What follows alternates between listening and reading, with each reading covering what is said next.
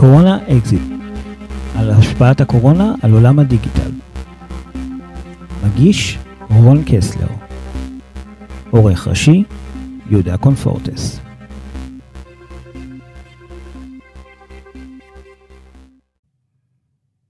שלום לטל שניידר, כתבת מדינית ופוליטית של גלובס. שלום רון. מה שלומך?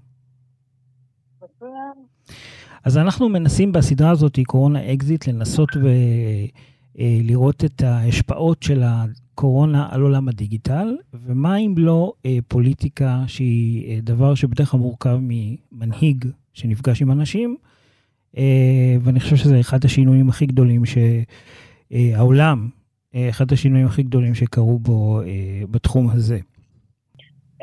כן, השינוי הדיגיטלי הוא מאוד מאוד גדול, שינה את האופן שבו עושים פוליטיקה ושינה לגמרי את כללי המשחק, אני מסכימה. אוקיי. Okay. Uh, מה, יש לך איזה דוגמאות, לפני שאנחנו ככה נצא מגבולות uh, ישראל, יש לך uh, דוגמאות uh, מישראל למה פוליטיקאים מסוימים, או בכלל פוליטיקה שככה עשתה לה שינוי? כל ההנאה הפוליטית uh, שהייתה צריכה להתבצע באמצעות כיכר העיר, במפגשים, בחוגי בית, הפכה להיות בעצם uh, שיח uh, רשתות, אנשים יושבים מול המחשב, מביעים את דעתם. וגם תורמים, או משתתפים בשיחות, או מסמנים לייקים, מפיצים, מעלים נושאים לסדר היום.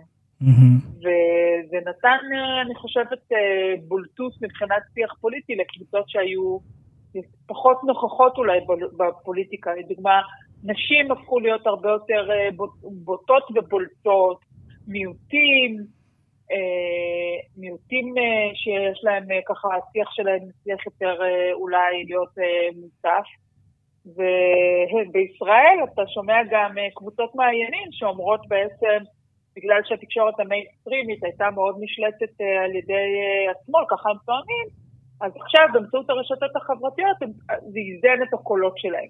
זאת אומרת שבעצם הרשת, הרשת הדיגיטלית בעצם מייצרת איזשהו שוויון בניגוד לרשתות המסורתיות? אמ, לא שוויון במובן של אה, תוצאה, אבל יותר אולי... שוויון אה, הזדמנויות. יותר השפעה, יותר השפעה על השיח, אה, יותר נראות, נראות דיגיטלית, אבל כן, נראות. וגם זה כלי ביטוי מאוד חשוב ברמה האישית, ולכן יכול להיות שאנשים ברשתות החברתיות משחררים הרבה מאוד קיטור, שאולי פעם לא היו משחררים אותו כל כך הרבה מבחינה מילולית. כן. אני דווקא מנסה לחשוב על הפוליטיקאי הלא בכיר, הפוליטיקאי מהספסלים השלישיים, שלא לומר הרביעיים, שכל הפוליטיקאים הבכירים ככה תופסים את מקומם במסיבות עיתונאים, מה הוא עושה בדיגיטל? מה האפשרויות שלו בכלל? אה, פוליטיקאי מהשורה האחורית בדיגיטל, הוא יכול להיות יותר בקשר עם הקהל, וגם, אה, אה, תראה, אני חושבת שמישהו בעמדות השפעה פחותות יותר קשה לו בכל, בכל מקרה.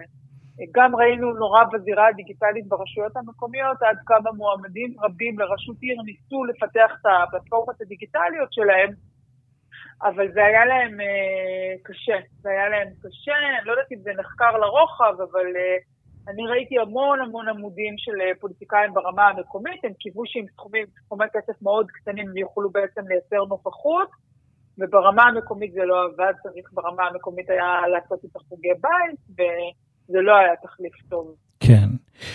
באמת צריך לזכור שהפוליטיקה, אנחנו הרי סיימנו מערכת בחירות, מערכת בחירות שבה דווקא השטח החליף את הדיגיטל, ופתאום פוליטיקאים נאלצו לחזור אחורה אה, לדיגיטל ולדבר עם, ה, עם הקהל שלהם אה, באמצעות הרשתות החברתיות. מבחינת הבחיר, מערכות הבחירות, שלוש מערכות הבחירות שהיו כאן בשנה וחצי האחרונה, אז uh, הדיגיטל uh, לא החליף את השטח, זה ברור.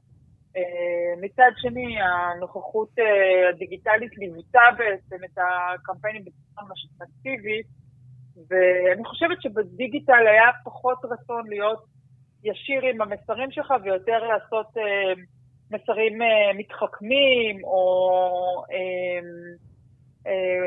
מניפולטיביים, כולל שימוש בפלטפורמות לחתוך ולערוך סרטים בצורה אפילו שקרית, כן. וזה רק בשביל לעורר שיח.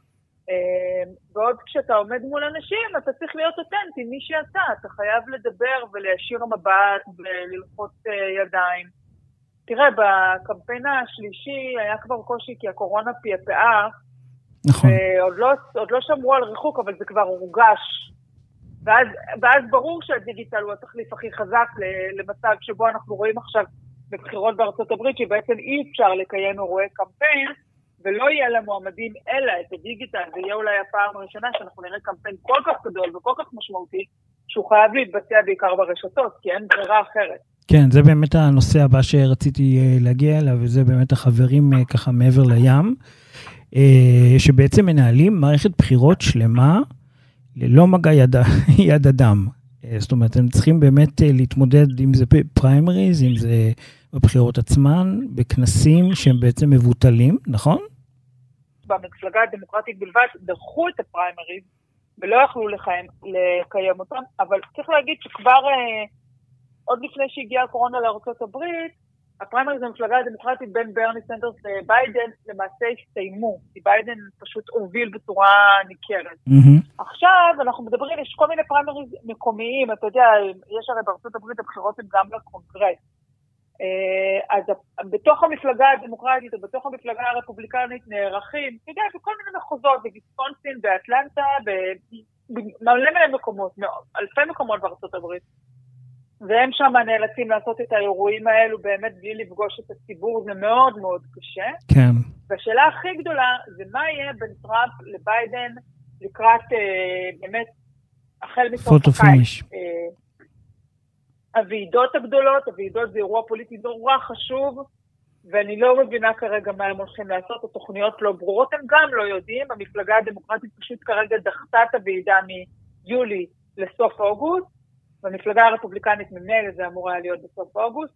טראמפ דורש שהעיר שרלוט אה, תאפשר לו לעשות ועידה אה, מסודר, רגילה, כמו פעם, שכולם מגיעים, ובעיר חוששים קצת, אבל העיר גם זקוקה מאוד לפעילות הזאת, כי זו גם פעילות מסחרית.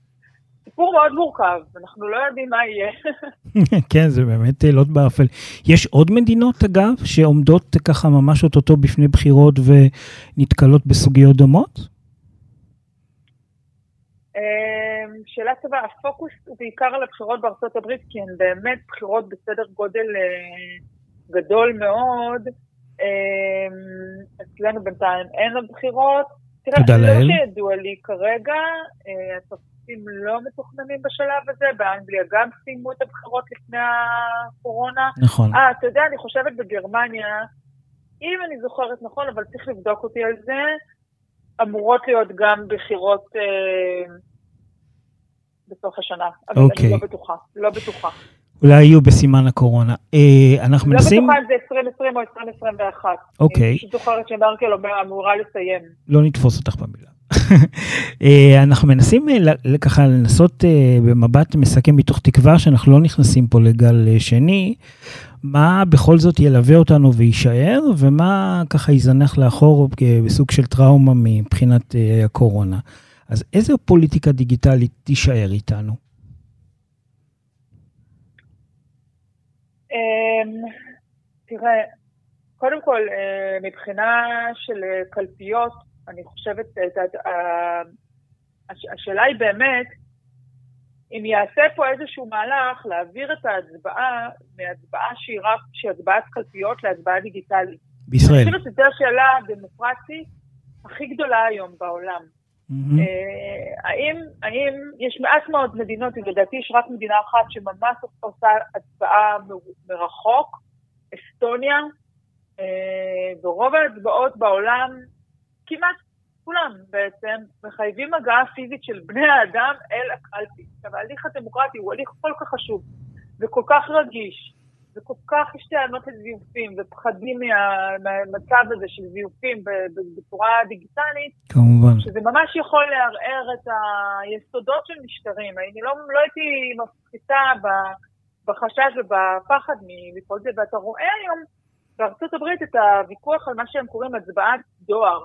באנגלית קוראים לזה מייל אין. זה הצבעה, זה הצבעה מקדימה, נכון? זה בעצם ההצבעה שהיא... לאו דווקא, זה יכולה להיות גם הצבעה, אה, מה זה מקדימה? זה חייב להישלח בדואר עד התאריך מסוים. כן, אז זה מקדים את יום הבחירות, לזה הכוונה. כן, זה מקדים, ולכן גם צריך להחליט על המועמדים במנותק ממה שקרה. יכול להיות שאתה בחרת במועמד מסוים, ואז אה, בימים, בעשרה או עשרים ימים שנשארו, קרה משהו בקמפיין ואתה כבר לא יכול להתחרט. כן. עכשיו, אה, טראמפ גם טוען בצורה נחרצת שזה, שזה סוג של הצבעה שהיא פתוחה ל, לרמאות, להונאה, בעוד שהוא בעצמו הצביע ככה, אה, והשתמש בדרך הזאת, כיוון שזה מיועד כמובן למי שרוצה להצביע במקום שלא לא בו הוא גר. אתה גר בוושינג, הוא גר בוושינגטון, הוא רוצה להצביע בפלורידה, אז אתה לא מצפה מנשיא ארה"ב שביום הבחירות יטוס לפלורידה במיוחד כדי להצביע, ולכן הוא שולח מעטפה. כן. אה, אז שוב, זה חל לגבי כל אמריקאי שחי במדינה אחת ועובד במדינה אחרת, סטודנטים, אה, אנשים שפשוט אה, עזבו, נסעו, גם למי שאקראית נסע. והדמוקרטים מאוד רוצים להרחיב. אני חושבת שהשאלה הזאת של ההצבעה באמצעות דואר, או במדינות אחרות הצבעה באמצעות מחשב, היא, היא באמת, היא, היא שאלה קיומית. עבור הישראלים, אף אחד לא העלה על דעתו בבחירות, בבחירות האחרונות לפתוח את הנושא של המעטפות כפולות ליותר אנשים. נכון. השאלה, למה? למה? להפך, זה? בישראל למה? אגב זה נחשב כבעיה, המעטפות, כל הקלפיות הנגישות וכל הזה, זה נחשב כמשהו שהוא בעייתי. עכשיו, גם אנחנו עברנו הרחבה מאוד משמעותית בתחום של ה... אה, המעטפות הכפולות עברו גם פה הרחבה, וזה גם חלק מהטענות של זיופים ובעיות. אה, זה עבר הרחבה, כל אחד שבא והצהיר שכואבת לו הרגל, והוא גר בחיפה, בדיוק. בתל אביב, יכול היה לעשות את זה. אז זה לא הצבעה דיגיטלית, מה שאני מנסה לספר כרגע, זה הצבעה עדיין מכנית, אבל העולם צריך לחשוב האם לצעוד לכיוון של הצבעה אה, דיגיטלית, לאור מה שאנחנו רואים. המחשבה של אנשים שעומדים בתורים בקלפיות ביום כזה היא מחשבה בעייתית. עוד דברים שהנושא, זאת אומרת, אני באה ואומרת, בעצם צריך כבר לעבור לשלב הבא, למה שלא כולנו נצביע באמצעות המחשב? Mm-hmm. וזו שאלה, זו שאלה גדולה, אם האמון של האזרחים בתהליך יהיה אמון uh, מלא כשההצבעה תהיה ממוחשבת. טוב, זה מה שנקרא, זה כבר אופרה מסוג אחר, על, על יתרונותיה וסכנותיה, אה, כן. כמובן. אה, טל שניידר, הכתבת המדינית והפוליטית של גלובס, המון תודה לך. תודה רבה, יום טוב. יום טוב. עד כאן עוד פרק בסדרה קורונה אקזיט, פרק אה, פוליטי על פוליטיקה דיגיטלית. אתם אה, מוזמנים לפנות אלינו בכל הערוצים הדיגיטליים שלנו, וגם במייל ronk@pc.co.il, ronk@pc.co.il. שילחו לנו תגובות, בקשות וכולי. תודה רבה רבה לעורך הראשי שלנו, אה, יהודה קונפורטס, ולפלי הנמר, יזם מנהיג אנשים ומחשבים. אה, תהיו בריאים, זה הכי חשוב. להתראות.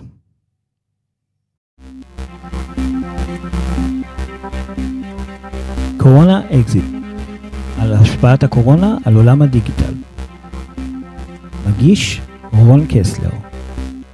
עורך ראשי יהודה קונפורטס.